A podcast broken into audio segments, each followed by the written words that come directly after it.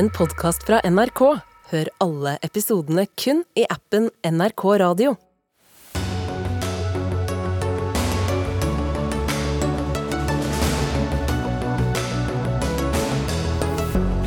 Året 2022 ble ikke helt Støres år. Statsministeren svarer på om det ble hans anus horribilis i Dagsnytt 18. AUF gnir seg i hendene over skatteutvalgets forslag om skatt på arv. Unge Høyre er uenig, og mener AUF bruker rapporten til å bekrefte kjepphestene de har hatt lenge.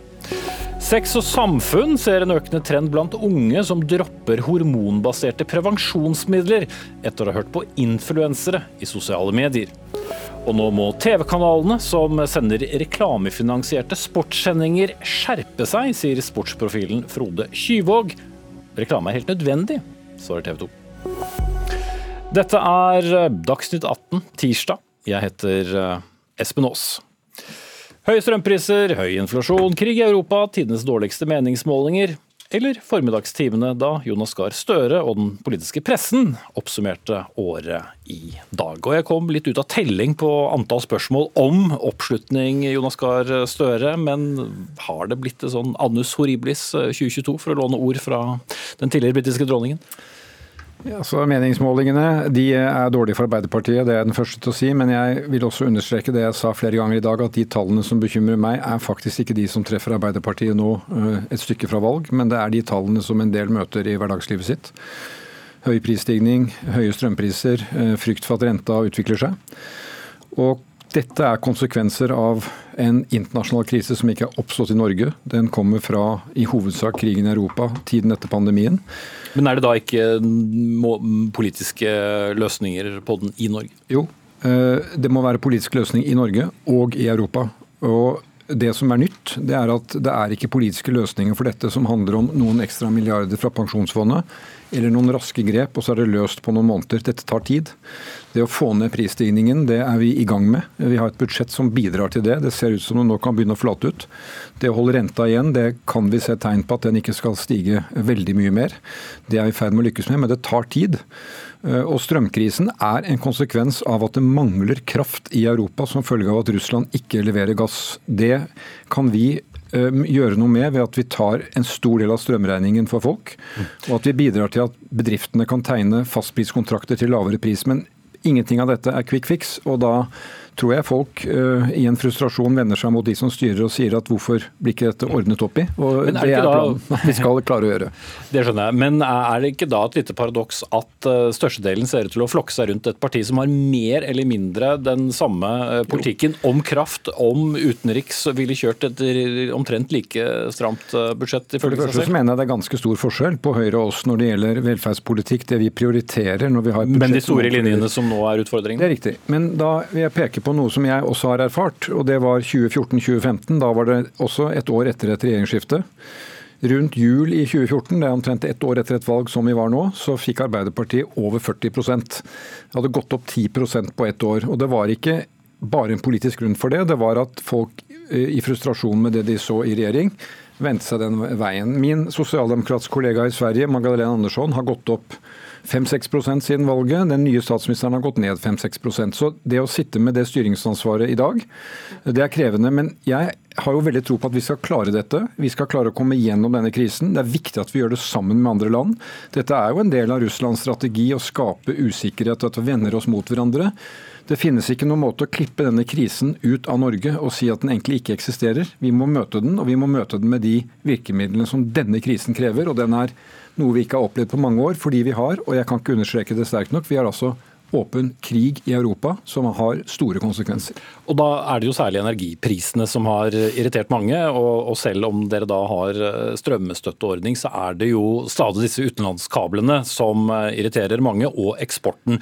Og selv om politikken på eksporten ikke endrer seg, det har du forstått understreket tidligere, men er det mulig å f.eks. se for seg at vi har én innenriks strømpris, som er lav så lenge vi har kraft, og en annen pris på strømmen som vi eksporterer til Europa, som er den markedsprisen som er i Europa. Må de to alltid være samme? Så Vi har et værbasert kraftsystem i Norge. Det er avhengig av at det regner og smelter så vi fyller magasinene våre.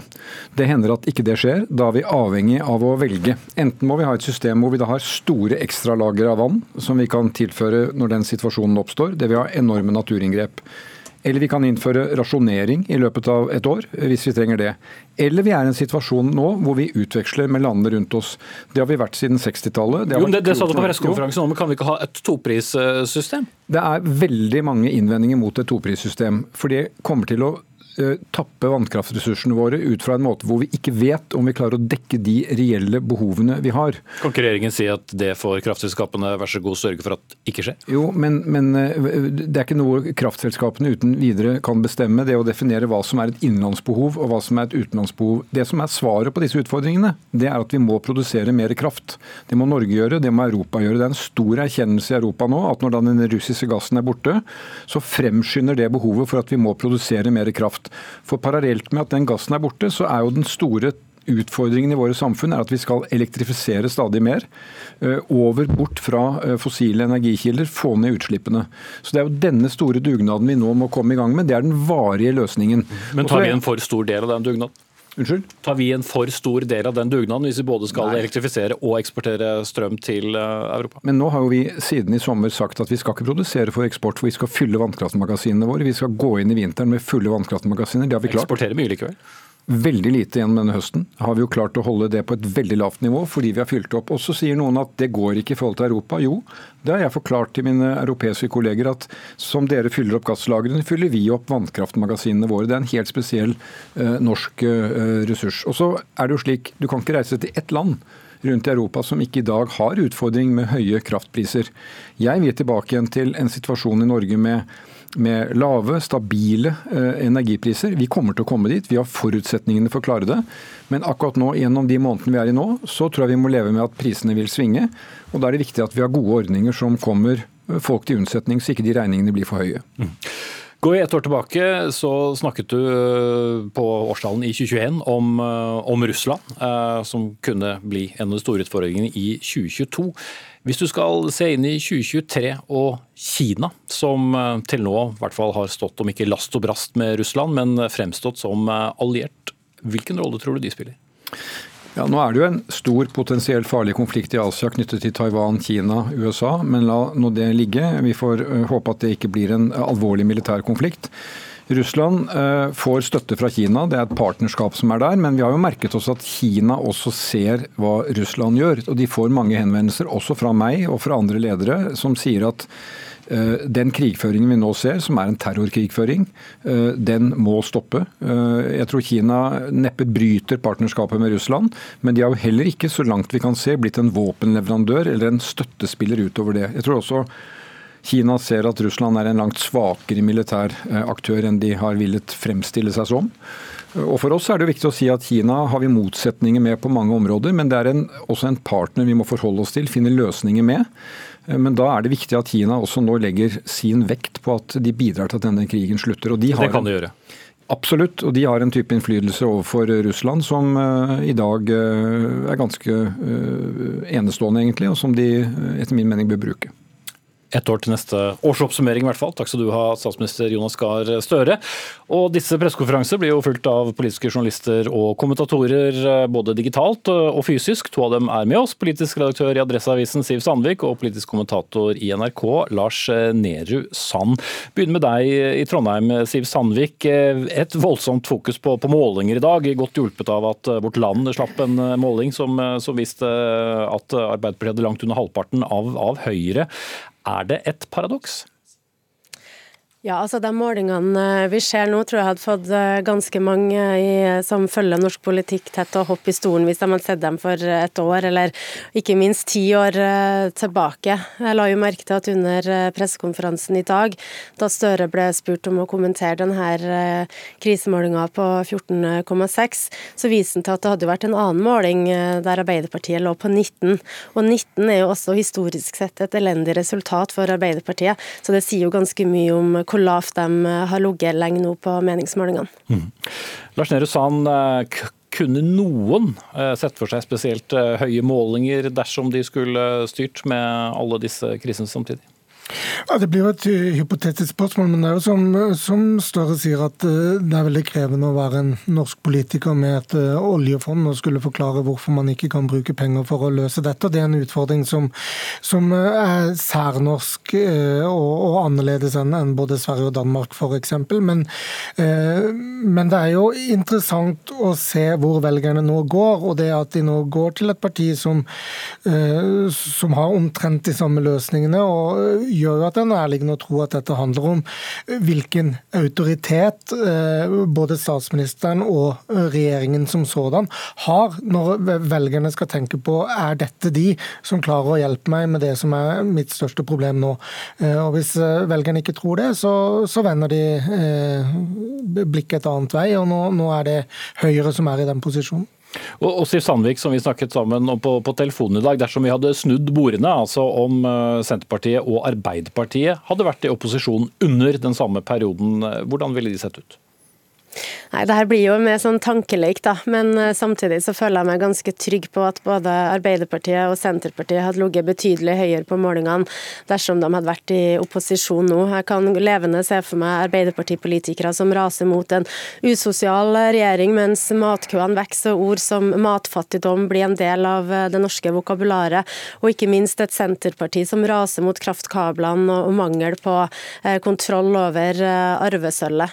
Jeg tror nok også at Høyre hadde hadde ligget en god del eh, lavere enn det de ligger nå, fordi som flere har vært inne på, det er vanskelig eh, å masse, eh, bli belønna av velgerne når du leder i ei vanskelig tid. Og så er det balansegangen Lars Nehru Sand, mellom det du politisk kan gjøre noe med, det du ikke kan gjøre noe med. For inflasjonen er ikke nasjonal, den er om ikke global, så i hvert fall ikke så langt unna. Vi importerer også store, høye priser. Og den pedagogiske forklaringen å få det til å gå hjem eh, hos folk? Nei, Det er krevende også for en regjering som gikk til valg på, eller et parti da, som gikk til valg på å gjøre det bedre for vanlige folk. Når det handler alt man gjør om å gjøre det mindre ille. Det er helt riktig at strømstøtten er veldig god, og at den treffer eh, ganske bredt. Men eh, jeg tror folk ser hvor mye strømmen går opp, ikke hvor mye den kunne gått opp hvis det ikke hadde vært utbetalt noe støtte, f.eks. Eh, møtet med inflasjonen handler også om hva vi ikke opplever, nemlig en enda høyere rente, mens det vi ser er eh, at renten går opp likevel. Eh, og Det er nok en utakknemlig pedagogisk oppgave å skulle forklare det. Å gå til valg, stå til ansvar for det man gjør, og vise frem at det man gjør faktisk har noe å si. Når det da blir, blir vanskelig å få øye på hva, hva det tjener meg, selv om, selv om, selv om det har en effekt det regjeringen gjør, og ikke minst det den ikke gjør. Eh, for som Støre har vært inne på i dag, det å få veldig kortsiktig raske løsninger på dette, det, det er ikke mulig eh, innenfor en, eh, ja, det man kaller ansvarlig økonomisk politikk. og Det viser jo da det største partiet i opposisjon at de også er langt på vei enig i hovedlinjene ved det. Så er det lenge igjen til eh, vi skal sette sammen nytt storting, men det er ikke fullt så lenge til vi skal sette sammen eh, ganske mange eh, kommuner og, og fylkeskommuner og de politiske ledelsene der, Siv Sandvik. Og de store byene som Arbeiderpartiet vant alle mann, altså Oslo, Stavanger, Bergen og Trondheim, hvor du selv sitter. Hvor hard kan den kampen bli, og vil de meningsmålingene vi ser nasjonalt ha noen effekt?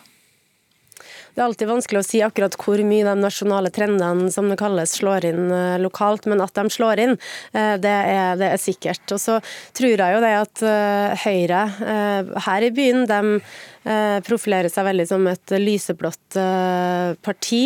Også nasjonalt så har jo Høyre tatt store steg mot eh, sentrum. Så det å krysse den streken i norsk politikk fra venstre til høyresida, det føles ikke som en sånn puma-hopp, men mer som et lite musesteg, kanskje for mange. Og, da, og det tror jeg kan hjelpe Høyre, særlig her i Trondheim, som har vært en rød by i 20 år. Mm.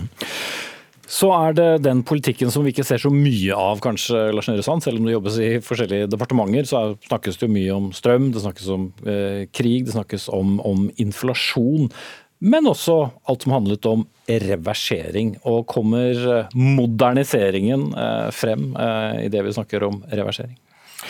Det er jo det Arbeiderpartiet kanskje straffes for, da, at de eh, såkalte reverseringsseierne Senterpartiet har fått, er veldig konkrete. De kommunene, de fylkene det er snakk om, f.eks. Det blir en ny diskusjon på nyåret om politireform og domstolsreform langs de samme aksene, f.eks. Eh, Arbeiderpartiet på sitt beste, som et folkeparti på over 30% har vært en koalisjon med mange ulike interesser som har favnet bredt.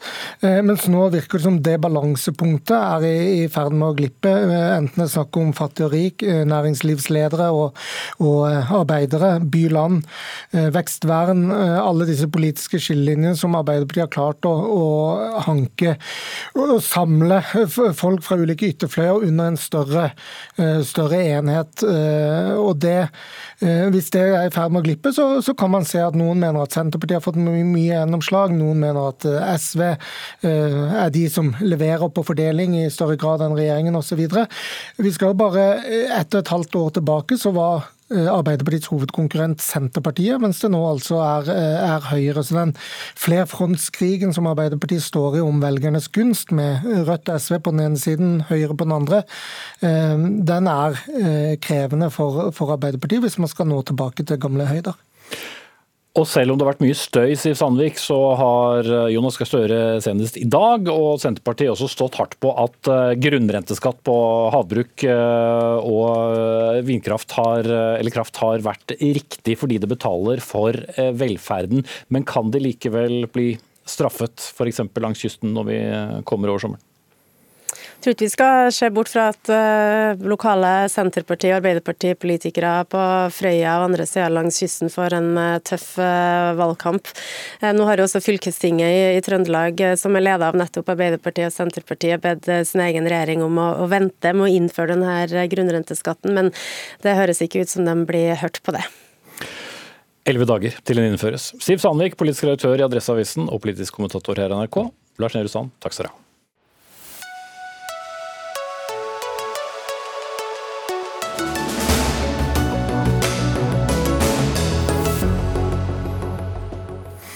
I går var vi veldig opptatt av skatt eh, pga. skatteutvalgets rapport. Og som jeg for sa da, her er det mye som vi må diskutere mer, og vi skal eh, gjøre det nå. Nemlig det som handler om skatt på arv.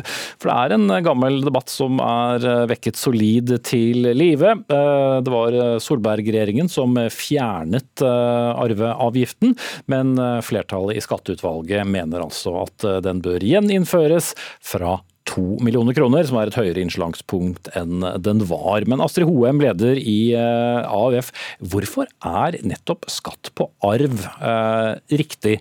Dersom du arver eh, foreldrenes hus, så må du nesten garantert skaffe penger for å klare å betale for at du arvet. Det er rettferdig fordi vi vet at uh, arv er en av de tingene som gjør at ulikheten også øker mest. Blant de aller rikeste i Norge så er det flere som har arva enn som har jobba seg til det. Og Vi i AUF mener jo at det skal være lønne seg mer å jobbe og stå opp og gå på jobb hver eneste dag, enn å stå opp og gå og arve.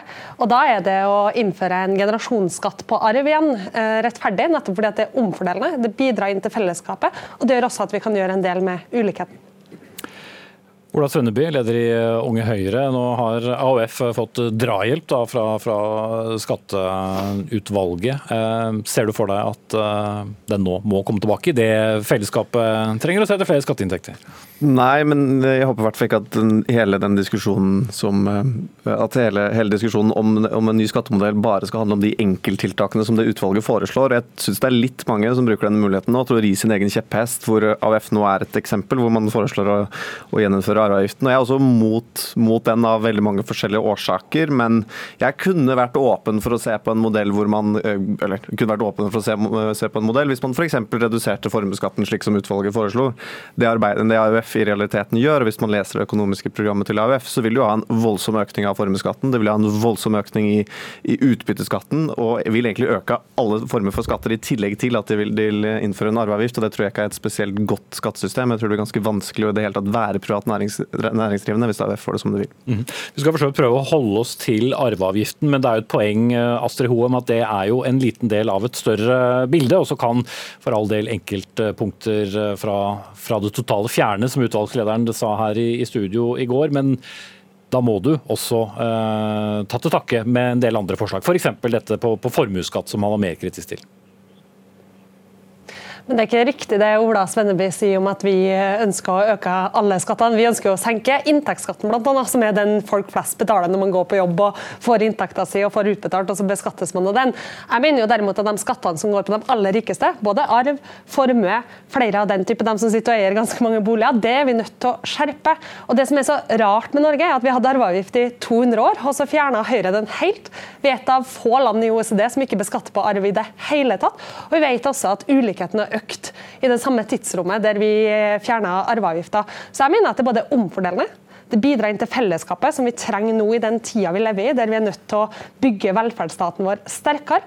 Og det er omfordelende også mellom generasjoner, for det er jo noe urettferdig, grunnleggende urettferdig i at noen kan arve veldig mye samtidig som andre ikke får de samme mulighetene. Mm. Men Svenneby, eh, er det et prinsipp med den arveavgiften, eller er det mer spiselig ut fra hvor innslagspunktet kommer? Nå er det altså eh, første trinn på, to millioner, og det andre på tre og en halv. For meg så er det egentlig litt prinsipielt. Altså Rent pragmatisk så syns ikke jeg det, det, som utvalget la, la frem i går var så halvgærlig. Det eneste problemet mitt var at jeg syns det generelle skattenivået fortsatt er høyt når det er, når det er provenynøytralt. Men jeg syns jo Altså kan, at det samlede, samlede, blir som det har vært, ja. Men jeg syns jo kanskje at uh, når man hører AUF diskutere arveavgift, så høres det litt ut som eller Det som skiller er kanskje hvilket syn man har på samfunnet, og man diskuterer skatt som om det er en slags honningkrukke som politikere til enhver tid kan åpne opp, og så kan man ta hvor mye penger man måtte trenge for å finansiere et eller annet, og det er jo ikke sånn skatt fungerer. Og Man må jo se arveavgiften i sammenheng med f.eks. For formuesskatten, for jeg tror at arveavgiften blir fort en, en, skatt som er ment til å ramme de rikeste, men så er det helt vanlige folk som kommer til å ende opp med å plukke opp regningen, for de som har, har mest penger, har for det første råd til å betale advokater som kan sørge for at de slipper å betale den, eller de har muligheten til å flytte andre, til andre land, som vi allerede har sett eksempler på. Mm. Og, og, dette så vi også med den gamle arveskatten. Eh, eh, det var veier å gå rundt, bl.a. å ta ut eh, arven tidligere og i hvert fall å redusere skatten. Er det ikke bare det som kommer til å skje en gang til, og særlig de som har ressursene til det og arver de største formuene? Men jeg mener ikke nødvendigvis at vi skal gjeninnføre den gamle arveavgifta. Jeg mener at vi skal innføre en ny generasjonsskatt som kan ha høyere bunnfradrag og gjøre sånn at den ikke treffer like mange vanlige folk sånn som den forrige skatten gjorde. Det tror jeg også er nødvendig og riktig. Men så syns jeg ofte at det blir sånn rar debatt også fra høyresida. fordi ofte hører vi at eh, Høyre og Unge Høyre snakker om at da blir det dobbel beskatning og det er urettferdig. Som om ikke resten av alle oss også betaler dobbel beskatning når vi har inntektsskatten vår, og så går vi og kjøper i butikken og betaler moms der. Det er f.eks. som om dobbel beskatning bare er urettferdig når det gjelder dem rike. Og Da syns jeg også at man må er nødt til å diskutere arveavgifta med, eh, med, de grunnleggende tingene vi mener er viktige for velferdsstaten vår og med skattepolitikken vår. Og da mener jeg nummer én, Skattepolitikken vår skal være omfordelende. Da vet vi at Arveavgifta er en av de mest omfordelende skattene vi har. og Når vi fjerner den, så øker også forskjellene. Nummer to, vi er nødt til å hente mer inntekter til staten. og Da kan man enten gjøre sånn som Unge Høyre foreslår, og kutte i det meste av velferden vår, eller vi kan gjøre sånn som vi foreslår, og få mer inntekter til velferdsstaten, sånn at vi bygger velferdsstaten vår sterkere. Ja, jeg har heller ikke brukt argumentasjonen med dobbeltbeskatning, så det er jeg helt enig med HOM, så Det får man ta med de som eventuelt måtte gjøre det. Men hovedpoenget er jo at AUF snakker om arveavgiften som om det er en sekk med penger som folk bare kan velge å betale skatt. Og i dag så er det sånn, tilfeldigvis sånn at de slipper å, å, å, betale den skatten. Arveavgiften vil jo all hovedsak altså selvfølgelig, den vil også ramme de som arver en bankkonto, men den vil jo ramme de som arver bedrifter på Vestlandet, om det er gårdsbruk eller hva det nå enn måtte være. Og da vil jo konsekvensen være at man får høyere skattlegging på norske arbeidsplasser. Det vil bli billigere å flytte til til utlandet. Det vil bli billigere for utenlandske eiere å kjøpe det. og Det tror jeg er en ganske dårlig skattemodell. I hvert fall når man ser det i sammenheng med AVF sine forslag til formuesskatt, utbytteskatt og de fleste andre skatter også. HM, er du enig i nivåene? Altså skatt fra da eh, to millioner på, på trinn 1 og så fra, fra 3,5 på, på trinn 2, eller er det for lave ut fra at veldig mange da eh, ender opp med å betale vareavgift? Jeg syns det er interessante forslag fra skatteutvalget. og så skal ikke jeg si at liksom akkurat det nivået er fasiten, men at det er nødt til å være høyere enn det den forrige arveavgifta var. Og så handler jo egentlig debatten om arveavgift og beskatning av dem som har aller mest fra før i samfunnet vårt, om en grunnleggende forskjell mellom oss i AUF og Unge Høyre. Altså Unge Høyre mener jo at vi er nødt til å spare ved å kutte i velferden, og at man ikke skal hente inn nye inntekter. og At man i hvert fall ikke skal se på dem som sitter med aller mest fra før. Mens vi i AUF vi mener at det er rettferdig at de bidrar enda litt mer inn til samfunnet, sånn at vi kan sørge for at tannhelse f.eks bli gratis for alle, eller at vi kan gjøre SFO gratis for alle. Alle de store velferdsløftene som vi nå trenger framover. Ja, Unge Høyre er også for at de rikeste, rikeste skal betale, betale, skatt, og det gjør de også. Det er den rikeste prosenten i Norge som betaler ganske, ganske, mye av skatten. For meg så handler dette først og fremst om, eh, også om hva slags skattesystem vi skal ha. Jeg er også åpen for å gjøre en, en slags deal som skatteutvalget foreslo i går. Jeg bare syns det er veldig dumt hvis alle skal gå inn med, med å kjempe for sine, sine kjepphester. Enten er å gå mot økning i momsen, eller i dette tilfellet der å, å kjempe for en arveavgift. Kjepphester blir det alltid, også i hjulene noen ganger. Terje Erikstad, finansredaktør i Dagens Næringsliv, du har også skrevet om uh, skatteforslagene i egen avis. Men altså, selve denne arveavgiften har jo vært omdiskutert uh, og har vart da i veldig, veldig mange år. Hvor stor rolle har den spilt? Nei, altså, Den har jo vært der siden 1792, så det er en, eh, en, type skatt som vi har hatt i nesten all vår tid. Eh, grunnen til at skatteutvalget nå foreslår å innføre denne eh, arveskatten, er at den har nok mindre skadelig effekt enn formuesskatten. Så deres forslag er å redusere formuesskatten og heller skatte mer på arvet formue. Mm. Og Det fungerer da best ved å se disse to tingene i sammenheng, eh, mener du? Ja, og, og dette er jo et helhetlig forslag. Det er jo litt eh, fascinerende, fordi Utvalget ble jo satt ned av Solberg-regjeringen, og så fikk det tilleggsmandat av eh, Støre-regjeringen. Men begge regjeringene var enige om at det skulle være et provenynøytralt, altså uendret skattenivå. Det betyr at hvis man setter ned én skatt, så må man sette opp en annen skatt. Og så er det sånn at Man prøver å gjøre skattesystemet så effektivt som mulig, sånn at det sørger for økonomisk aktivitet. Men så skal det samme eh, systemet også omfordele. Og Grunnen til at jeg må bare korrigere programlederen på ett punkt, nemlig det er bare, det er ikke et flertall, det er et enstemmig utvalg som foreslår eh, innføring av arveskatt. Men de er uenige om satsene. Men, men, systemet er de enige om. Og grunnen til at de mener at eh, arveskatt er en bedre å gjeninnføre det, er bedre, er nettopp at eh, forskning viser at ved eh, arveskatt så har du mindre skadelig effekt på økonomien. De som eh, arver nå, hvis de arver mindre, så vil de sannsynligvis jobbe mer. Og de som da vil gi arv, de må kanskje jobbe mer for å kunne gi eh, sine etterkommere mer arv, eller så mye arv som de da ønsker å gi. Sånn at det har en positiv effekt på det arbeidstilbudet, og det er liksom et slags overordnet mål for dette utvalget. da.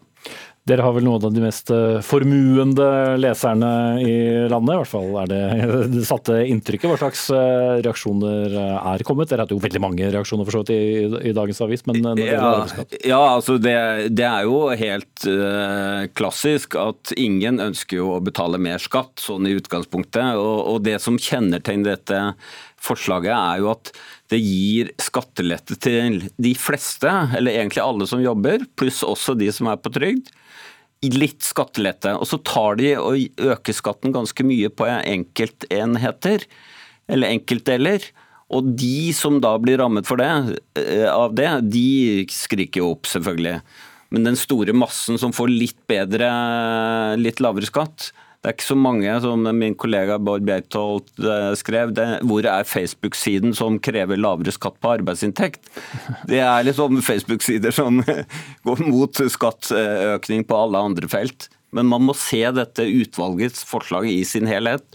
Og Dermed blir heller ikke da arveavgift nødvendigvis så skadelig som noen vil nettopp, hevde at det vil gjøre nettopp, for deres nedarvede bedrifter osv. Nettopp. Og det er, det er klart det er ulemper med den type ordning.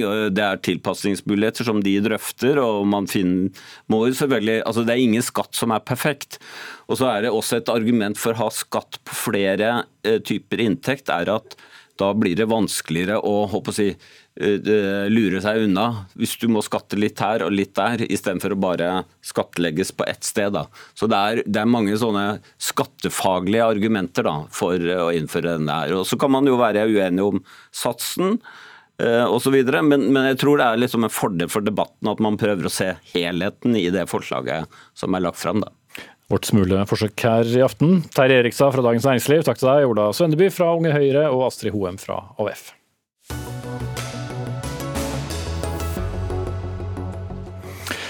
Senere i Dagsnytt 18, aktor ber om 17 års fengsel for 52-åringen eh, som er siktet for drapet på Birgitte Tengs. Vi har med oss vår krimkommentator direkte fra Haugesund litt senere. Hvem skal du gå til for å få råd om prevensjon? Litt ladde spørsmål for så vidt. Helsepersonell eller influensere i sosiale medier? Vel, det er en grunn til at vi stiller dette spørsmålet, for VG har skrevet om millioner av unge som søker til sosiale medieplattformen TikTok for å få råd om prevensjon. Og rådene, som der, som mange andre, kommer av folk uten en faglig bakgrunn, medisinsk bakgrunn i denne sammenhengen, men med sterke anbefalinger om f.eks. å kutte ut hormonbasert prevensjon, som f.eks. p-piller og p-stav. Parallelt med dette viser en kartlegging fra Sex og Samfunn at skepsisen til nettopp hormonell prevensjon blant unge øker. Og Siri Kløgstad, gynekolog hos Sex og Samfunn, hva er det dere ser i kartleggingen? Nei, Vi eh, så jo akkurat det, da. At det er en økende skepsis eh, der ute. Vi, vi, mistenkte det, så vi tenkte at nå skal vi forsøke å kartlegge litt. Så vi hadde økt fokus på dette her eh, når vi snakket med pasientene våre og med andre helsepersonell som vi møter i vårt daglige virke. Og da ser vi absolutt det. At det er en økende skepsis. Og vi tror um, at noe av grunnen til den skepsisen er nettopp fordi, sånn som du innleder med her, at det, hvis du får informasjonen din fra, fra TikTok, fra venninner, fra tante eller fra, eh, fra influensere, så, så er jo valget ditt da, basert kanskje ikke på helt eh, korrekt informasjon. Så vi er litt redd for at eh, noen kanskje skremmes fra å bruke hormonell prevensjon i de tilfeller hvor det faktisk kanskje kunne gjort livet deres veldig mye bedre. Mm. Når det gjelder selve graviditeten, så er det jo sikker prevensjon, men så er det jo da de som opplever f.eks. mye blødninger, eh, hormonelle endringer åpenbart da i kroppen siden det er hormonell eh, prevensjon. Eh, har dere vært gode nok til å komme med den riktige informasjonen på det, siden de da velger å høre på andre? Nei, Det er et veldig godt spørsmål. Jeg tror at vi helsepersonell over lengre tid har kanskje vært litt for dårlige til å kommunisere dette godt. Um, det å fortelle om bivirkninger er litt sånn vanskelig, for det er en balanse mellom å ikke skremme. Uh, for det kan jo høres ganske dramatisk ut hvis du leser hele den listen av bivirkninger. Heldigvis er det veldig få som får disse bivirkningene, um, så da må vi på en måte balansere dette med å informere godt nok. Uh, men ikke så mye at, det, at, man skremmer. Og der har vi nok kanskje kommet litt til kort uh, over noe tid. som gjør at dette hva skal man kalle det, opprøret har kommet. Sigrid Onsgaard Sagabråten, sentralstyremedlem i Senterungdommen, men her først og fremst som en som brukte hormonell prevensjon da i elleve år, eh, før du da valgte å slutte, som du forteller til VG. Hva var bakgrunnen for ditt valg? Nei, altså Bakgrunnen for min del var jo det at jeg hadde brukt veldig mange år på å prøve å finne et prevensjonsmiddel som passa med. Har jo da totalt hørt gjennom ni forskjellige typer prevensjon som alle ga veldig heftige bivirkninger, før jeg da til slutt da måtte trosse legenes råd da, og da begynne å bruke naturlig prevensjon. Hva er naturlig prevensjon? Utover nei, det, å si nei. ja, nei, det er jo da å finne sikre perioder som du da kan eh, gjøre på ulike måter. F.eks. da ved å bruke kalendermetode, eh, sjekke eh, slim fra skjeden, eh, eller temperaturmåling. Mm. Men som eh, sikkert på gynekologen vil si, det er, eh, det er, noen usikkerheter eh, forbundet med det også. Hvis man da har problemer med mulige bivirkninger, er det da det du vil anbefalt? Oh, det er et veldig vanskelig spørsmål å svare på, for det er så utrolig individuelt. Jeg mener, Har du virkelig prøvd alt, som det høres ut som Sigrid har gjort, så står man jo ikke igjen med så veldig mange alternativer. og Da er det kanskje det eneste alternativet. Men så lenge eh, pasienten eller brukeren da er velinformert, at vi helsepersonell setter oss ned og forklarer dem hvilken risiko man eh, har da for graviditet ved å bruke den metoden, og så lenge man har en avtale med partner og det er sånn man velger å ha det, så er jo det opp til den enkelte bruker. Jeg jeg skal ikke legge meg opp i det, men jeg bare tenker at det er viktig at vi får ut riktig og god informasjon, sånn at ikke folk skremmes for å bruke det som er riktig for dem. da. Mm. Vi får bare legge til at det finnes muligheter for herrer her òg, som er relativt uh, bivirkningsfritt. Veldig godt poeng der. Men eh, Sagabråten, du har, sier til oss uh, før sending her at du uh, opplever at kraftige bivirkninger ikke tas nok på alvor. Hva, hva mener du da?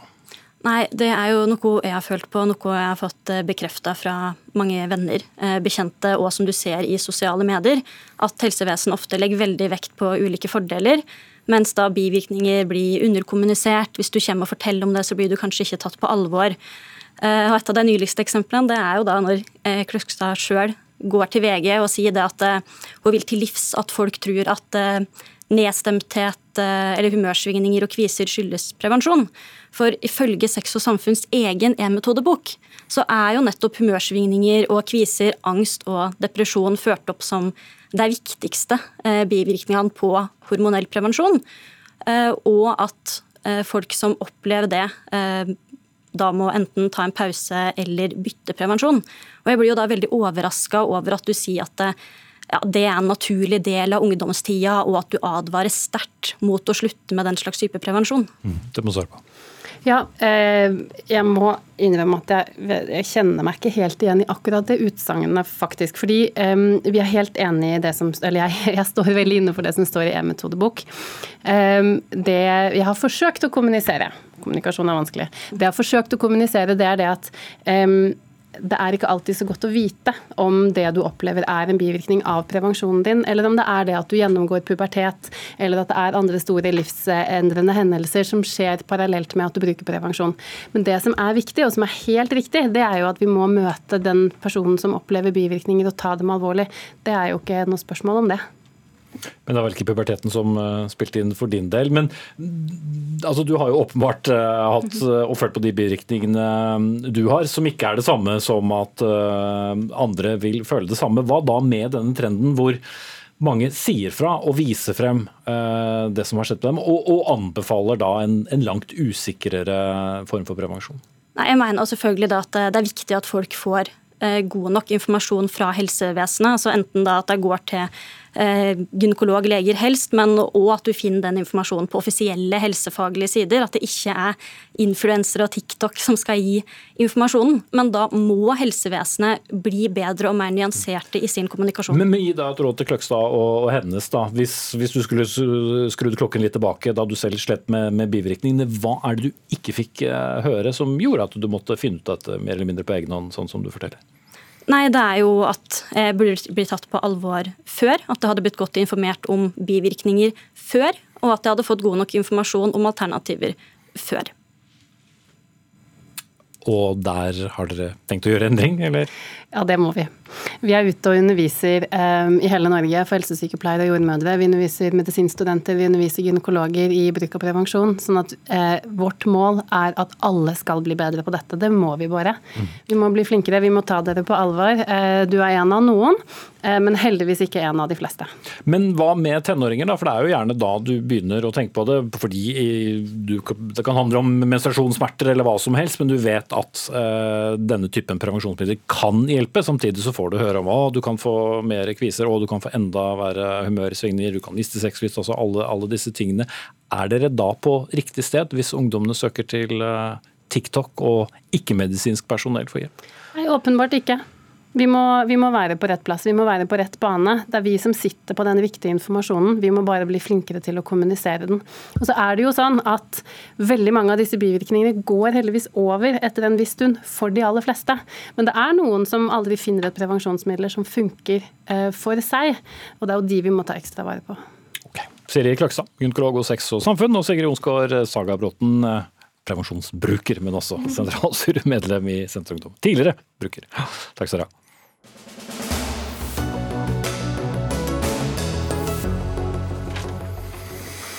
Ja, I seks uker har nå hovedforhandlingene i Birgitte Tengs-saken pågått i Haugaland og Sunnhordland eh, tingrett. Sentrum for det hele en 52 år gammel mann og et visst Y-kromosom funnet i en blodflekk på en eh, strømpebukse.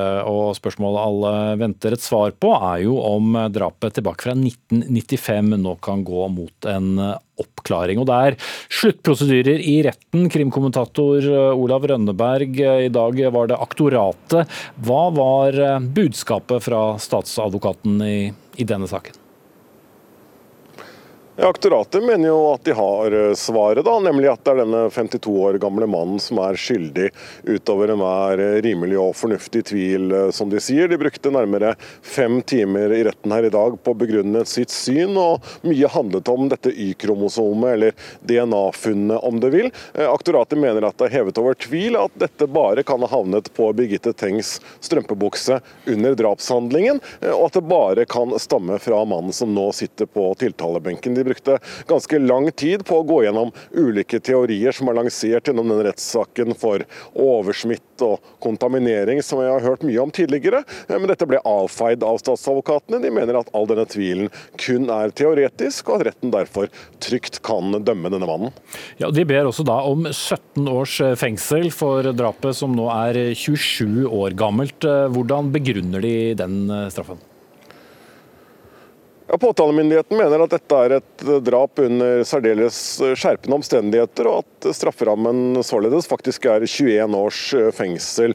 Så ser det til en lagmannsrettsdom fra den såkalte Sjøvegan-saken, der en kvinne ble voldtatt og drept før huset hennes ble satt i brann. Der sa lagmannsretten at man må trekke noe, fordi det har gått lang tid siden drapet skjedde. Men i andre retning ser de jo på alle de skjerpende omstendighetene i denne saken. Man mener at Birgitte Tengs ble slått over 20 20 ganger i hodet eh, med stein eller en annen gjenstand. Hun ble utsatt for et overgrep. Hun ble slept over 40 meter og etterlatt inni et buskas. Man vet ikke hvor lenge hun var bevisst eller, eller, hva hun fikk med seg, men det er grunn til å tro at hun uansett følte stor frykt. og mener, eh, Påtalemyndigheten mener at summen av dette er så vidt skjerpende at man lander på 17 års fengsel i påstand. Og Det er jo da blitt eh, tegnet et bilde av 52-åringen som en ensom mann med, med både mye temperament og seksuelle preferanser, samtidig som vi har da dette Y-kromosomet. I morgen er det forsvarernes sluttprosedyre. Hva er det ventet at de kommer til å legge vekt på? De vil jo selvsagt avvise påtalemyndighetens teori om at denne mannen kan nagles til åstedet og nagles til drapet. De mener at det er altfor mye vi ikke vet svaret på. De mener det er store uklarheter i hva som egentlig skjedde på dette åstedet. De mener det er store muligheter for at dette DNA-et kan ha kommet dit på en annen måte enn under drapet. De mener at det er flere personer som burde ha vært etterforsket grundigere i denne saken. Men Så kort fortalt mener de at puslespillet ikke stemmer, at påtalemyndigheten forsøker da tvinge brikker brikkene sammen på bekostning av deres klient, så de vil kreve full frifinnelse når de får ordet til prosedyre i retten her i morgen. Og du følger saken videre. Takk skal du ha, krimkommentator i NRK, Olav Rønneberg.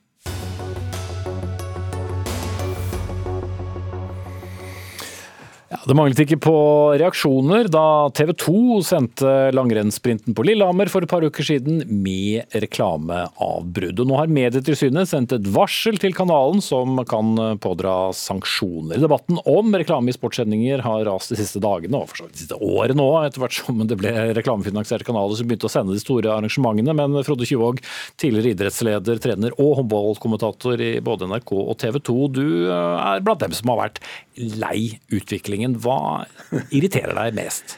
Det, det, er litt vanskelig for meg. Jeg sitter jo på en måte litt i glasshus. Først så var jeg 14 år i NRK, så var jeg 10 år i TV 2, og så har jeg vært de siste 6-7 årene i Viasat. Så jeg, liksom, jeg har vært med på det hele veien. Eh, så til tross for at jeg har ment mye om det og sagt en del om det, så må jeg jo erkjenne at jeg forstår. Innledningsvis må jeg si det. Jeg forstår. Det er en betalings-TV, det er en reklamebasert TV, som alle på en eller annen måte er avhengig av. Men jeg har da fulgt den utviklingen så mange år, gjennom flere kanaler og sett utviklingen, så sier jeg det som irriterer meg, og som jeg syns er nok, at det er blitt så mye. Det er så mye at du bare sitter og irriterer deg istedenfor å glede deg. Og når vi ser at For vårt vedkommende så handler det om sportsarrangementer, det er kultur, det er på en måte norsk folkeeiendom. Så mener jeg at vi skal glede oss, vi skal ikke irritere oss. Og jeg får så mange henvendelser, har gjort det gjennom flere år, skulle tro nesten jeg var medansvarlig for dette her, fra folk som ikke orker mer. Og da sier vi det blir for mye. Mm. Må be deg være forsiktig med å dunke i bordet, for det kommer over i mikrofonene. Trygve Rønningen, kanaldirektør i, TV 2. Eh, ja, kjeft av Medietilsynet og kjeft av en nestor uh, over bordet her. Hvordan uh, svarer dere det ut? Nei, altså For det første for Lillehammer, som du henviste til i starten, det skal vi svare skikkelig på overfor tilsynet. Og det gikk fort på Lillehammer, både for skiløperne og for TV 2. ikke at vi hadde for mye reklame, men den ble plassert feil. Så der var ikke vi gode nok, og det må vi bare si unnskyld for. og så er jo dette en gammel debatt, som vi er inne på. Eh, for TV 2 så er den presist 30 år og 3 måneder gammel. For var, Jeg var med i 1992. Det var ganske mye diskusjon rundt eh, Da hadde vi da eh, hele Norge blitt, blitt opplært i gjennom 30 år, en mannsalder med NRK uten reklame. Og så skulle vi forsøke å, å lage da denne hybriden mellom et godt tradisjonelt produkt og det å være kommersielle. Det var strid da, og det er strid nå. Mm. Men det er jo noe med, med plasseringen, og folk setter seg jo ned ikke for å se reklamepause pausen, åpenbart, men for å se rennet.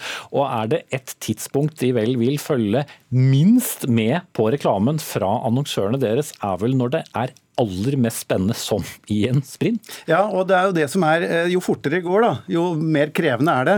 Eh, nå har vi god erfaring med å ha reklame til sportssendinger på TV 2, og, og den delte skjermen som var tilfellet på Lillehammer, når vi gjør det i Tour de France, så får vi veldig lite reaksjoner, eller ingen reaksjoner. For da klarer vi å balansere den det kommersielle behovet vi har, vi skal tjene penger, eh, og samtidig ha et potent, godt redaksjonelt produkt. Da får vi til dette her. Sprint på Lillehammer fikk vi det ikke til det tar litt lengre tid å sykle Tour de France enn å ta sprint på Lillehammer. Altså, det er kanskje også et element. Men er med noe, doseringen her også, da, med, med, antall minutter per time. Og plasseringen, hva er det du syns er vanskelig? Altså, så vidt jeg vet, så har vel Medtilsynet en uh, grense på 12 minutter i timen, altså ca. 20 de, hvis de i det hele tatt overholdes i mange tilfeller, så tynes de til det absurde. Jeg, jeg, mener at eh, når du sitter, som, i hvert fall som ekspertkommentator, skal prøve å være ekspert, og samler opp til hva du har lyst til å uttrykke i pausen, for at folk skal få en oppfatning hvorfor det skjedde og hva kommer til å skje, og du blir avspist med 1 minutt og 20 sekunder og skal dele med to andre, og de neste 18 minuttene da er delt i to bulker til reklame, da syns jeg det, det, det, ikke bare irriterer, men det blir gærent. Så har du også denne måten måten deler skjermen i to, greit nok det, men i visse tilfeller så blir også det helt meningsløst. Jeg er skøyteentusiast, jeg følger skøytesendinga. Jeg visste ikke om jeg skulle le i gråten jeg satt på torsdagen og fulgte sendinga fra Calgary. Det var to frimerker hele tiden. Og det var helt umulig både å se hvilken reklame som skulle introduseres, og ikke minst hvem som skulle gå. Og den eneste gangen de tok ut full skjerm, nå var det norsk deltaker, det var det fire av i det stevnet. Mm. Og noen har vel observert at også deres kommentatorer har uh, utdelt, uh, uttrykt snarere litt uh, frustrasjon? Du, Vår kjære Marius var på Stjernes side på Lillehammer. Men det er klart dette er et dilemma, og jeg forstår veldig godt hva Frode sier. og Han har kjent på det sjøl, han har stått i disse studioene. bare gi et regnestykke da, for å være sånn at folk henger med på hva vi snakker om. Nå har vi akkurat lagt bak oss et fotball-VM. En fotballkamp varer i 45 minutter varte i 45 minutter. Men nå har det blitt noe som heter VAR. Det har vært fotball, uh, uh, fotballomganger som har vart opptil 10-11-12 minutter i tillegg til 45 minutter. Da er det en ganske lite plass for oss som skal prøve å tjene penger på en rettighet vi har betalt for. Og Den plassen den skal vi da enten tjene penger på, eller som skal betale lønninga til Frode, som sitter og skal være ekspertkommentator, og våre kjempeflinke journalister, eller så må vi prøve å, å, å ta tilbake de, de penga vi har lagt ut for, for rettigheten. Og dette er penger vi skal finansiere rettigheter med, finansiere journalistikken vår med, og, og Kompani Lauritzen og hver gang vi møtes med. Så det er et dilemma. Det er et dilemma mellom å være gode redaktører og, og gode eh, direktører. Så hører du med til historien at det er forskjell på kanalene. Og de er det jo snart et virvar av. Folk flest vet jo ikke hvilken kanal som viser hva når. Men, men det er store forskjeller fortsatt. Og er det noe som kan irritere, så forskjellsbehandlinga.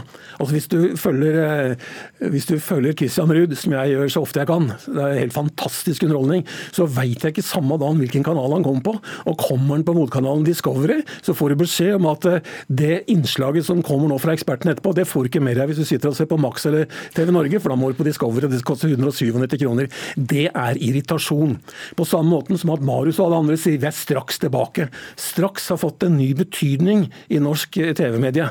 Og det, Sånn kan også skape irritasjon. Det er unødvendig. Vi må heller finne ut hvordan løse det, hvordan forholde oss til publikum. For de dere også lever av, tross alt, seertallene. Så tror jeg mye her kan gjøres. Mm. Og Dere er jo ikke akkurat alene om dette, men det er kanskje ikke noen kanal som har knekt koden verken nasjonalt eller internasjonalt? Nei, og det er det jo ikke fordi det er et dilemma. Og kommersiell TV er vesentlig finansiert med reklame. Nei, Nå skal jeg avbryte deg helt, for nå skal jeg snakke om noe annet. Fikk du litt den samme følelsen? Nei, det går fint. Men er det sånn at du blir sittende og rope vel så mye til, til reklamen som til Ruud, eller? Nei, så gal har jeg ikke blitt foreløpig. Men jeg vet om mange som gjør det. Og jeg hører det hele tiden. Jeg er rundt i idretten hele veien. Jeg holder foredrag, jeg er på forskjellige arenaer. Jeg var senest på onsdag i en strålende avslutning for Marit Breivik med et seminar for flere mennesker på, på Ullevål. Selv der prater man om dette, og at folk er sinna. Og det er klart at det, Jeg håper ikke mange gjør som jeg, for det er ikke noe bra for norske TV-kanaler. Men når reklamen kommer, så sitter jeg ikke og ser på de ti minuttene jeg så et kvarter tidligere. Jeg slår over på svensk TV, og slipper jeg det. Ja. Og det, Vi kan ikke komme dit at vi liksom forlater kanalene fordi at det bare blir irritasjonsmøter. Og Er vi irriterte, så har vi ikke samme gleden av det vi har gått og gleda oss til hele uka. Rønningen. Nei, og Du må slutte å se på svensk TV, Frode. Men, eh, nei, men det, det, vi tar det på alvor, og vi forstår dilemmaet. Og så er det, et, det forblir et dilemma. Men noe av det vi prøver å få til, er jo ved å bygge opp en strømmetjeneste. Ja, det må koste penger på et eller annet nivå, men der kan vi leke oss litt mer med dette. og Vi har ønsket å ta en skikkelig posisjon for norsk idrett f.eks. nå.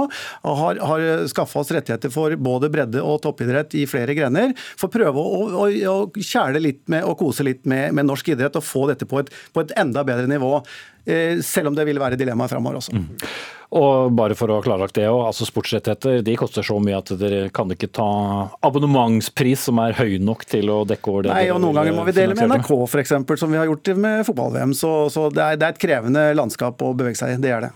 Det skal være sikkert visst. Vi har til og med måttet flytte Dagsnytt 18 til NRK2, så slik har det blitt. Trygve Rønningen, kanaldirektør i TV 2. Frode Kyvåg, tidligere streder, og litt blei reklame.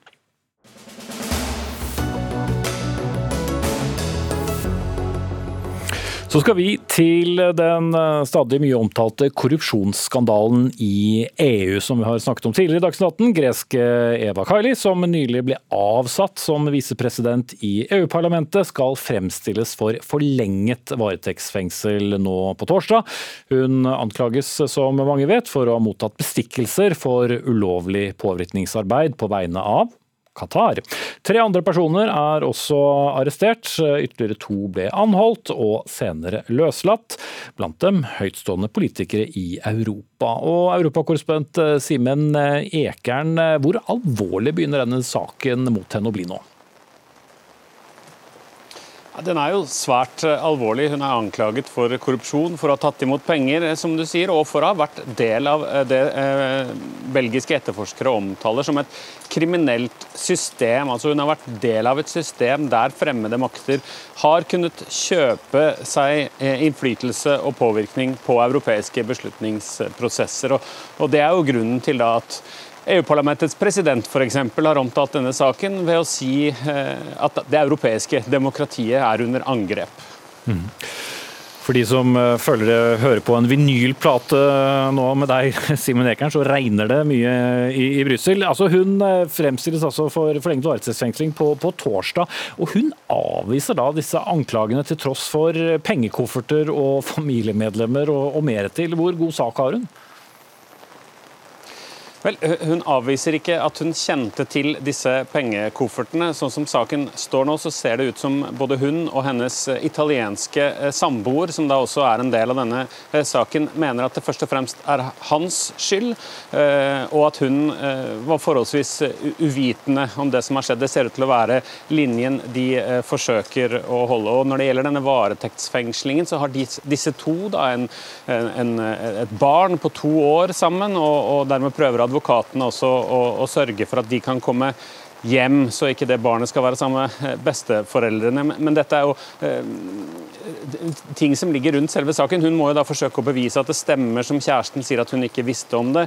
Eh, det er da altså en, eh, en annen italiener, Panzeri, en tidligere EU-parlamentariker, som beskrives en del steder som en slags edderkopp i dette systemet, og som da skal ha stått bak og brukt Eh, disse andre som eh, brikker, og det er vel det, den forsvarslinjen hun forsøker å si. Da, at hun er blitt brukt i et spill, men at det er andre som eh, er eh, hovedpersonene bak eh, dette kriminelle systemet som beskrives. Flere kilder har jo gjennom denne saken pekt på Qatar, da, at pengene kommer derfra. Gjør det saken ekstra pikant for EU? Ja, Det gjør den naturligvis. Eh, I den tiden vi er inne i nå. Eh, Tyskland inngikk en stor kontrakt om leveranse av gass fra Qatar senest i, i forrige uke. Frankrike har eh, vært inne på noe av det samme. Det er vanskelig eh, for EU e å bryte eh, bånd til Qatar, selv om man da også i kjølvannet av denne saken har stanset en del eh, lovforslag som Qatar var interessert i, bl.a.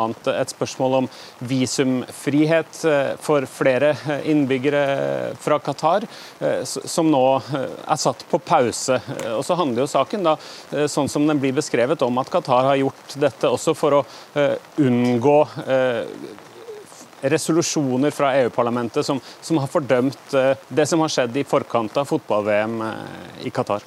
Gro Skården Fystro, du er spesialrådgiver i Transparency International Norge. Dere har også kontor i Brussel, hvor, hvor Simen er. Hva var reaksjonene da denne saken kom og nå er under oppseiling som en ganske stor sak?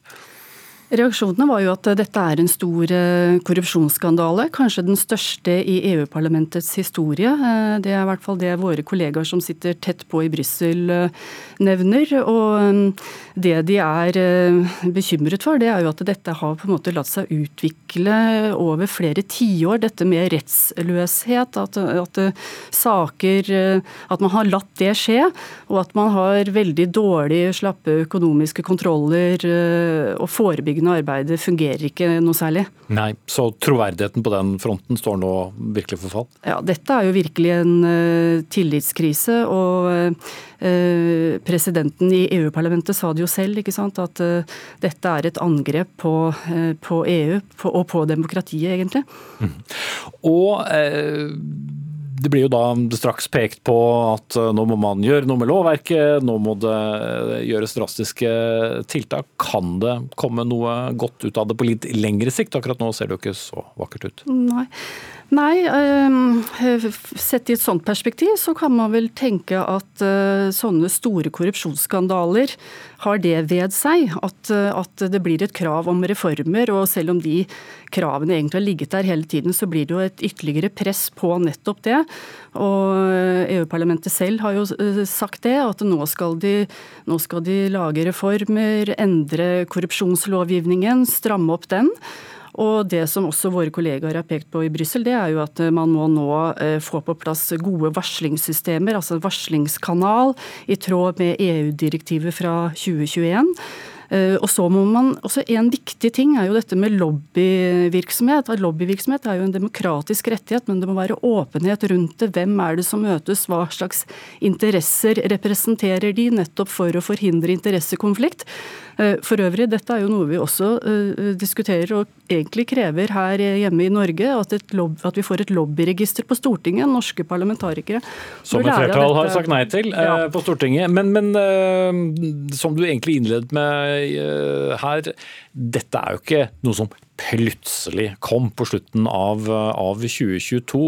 Burde de hatt den diskusjonen som nå popper opp under brannslukkingen for lenge siden? Absolutt, det burde de hatt.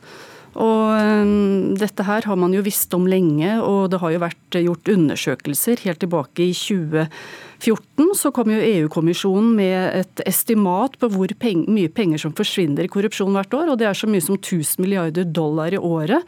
Det var da, og man tenker at det kanskje bare er toppen av et isfjell også. Og vi i Transparency International har jo laget bl.a. noe som vi kaller en um, uh, Global Corruption Barometer, hvor det går frem at EU, altså en sammenlignende studie av landene i EU, hvor det går frem at det er store korrupsjonsutfordringer der, til tross for det uh, bildet som som eh, man kanskje har av at dette er den regionen i verden som allikevel eh, kommer ganske godt ut, da, så er det store utfordringer og nødvendig å gjøre noe med det. Mm. Simen Ekern under eh, paraplyen. Etterforskningen peker også mot Marokko at det afrikanske landet skal ha gjort mye av det samme som Qatar beskyldes for. Hva vet du om den delen av saken? Kort til slutt. Ja, Det gjør de. Eh, italienske medier skriver jo mye om denne eh, tidligere EU-parlamentarikeren Panzeri og hans kontakt. Bl.a. Eh, skisseres det kontakt med marokkanske diplomater i Europa. En som omtales som giganten, som skal være en slags nøkkelmann i å, å, å dele ut penger. Nå skal det jo sies at både Qatar og Marokko nekter for å ha noen ting med, med dette å gjøre, og mener anklagene er falske. da.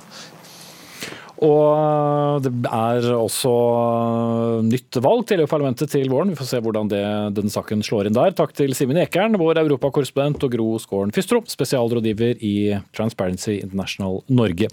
Dagsnytt 18 denne tirsdagen, årets siste tirsdagssending. Ansvaret for den var Dag Dørum. Frode Thorshaug tok seg av det tekniske. Jeg heter Espen Aas. I morgen er kollega Sigrid Solund på plass med helt fersk sending. Takk for nå.